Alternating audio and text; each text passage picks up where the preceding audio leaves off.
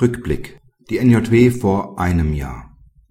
Wenn ein Rechtsanwalt die Gerichtsverhandlung nur mit einem T-Shirt unter der Robe oder gänzlich ohne Berufstracht bestreitet, ist das ein großes Ärgernis für viele Richter. So sorgte auch ein Vorsitzender Richter des Arbeitsgerichts Nienburg dafür, dass ein Rechtsanwalt, der ohne Berufstracht erschien, aus der Sitzung ausgeschlossen wurde. Diesen Ausschluss bewertete das LAG Niedersachsen als unzulässig es bestünde schon gar keine Rechtsgrundlage nach dem GVG.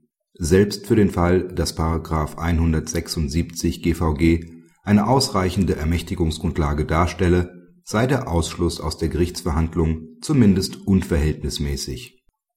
Auch Walter Pielke machte in der NJW von vor einem Jahr (NJW 2007, Seite 3251) den Verfechtern einer ordentlichen Berufskleidung wenig Hoffnung das äußere Erscheinungsbild so mancher Robenträger könne der Richter in der Regel nicht sanktionieren.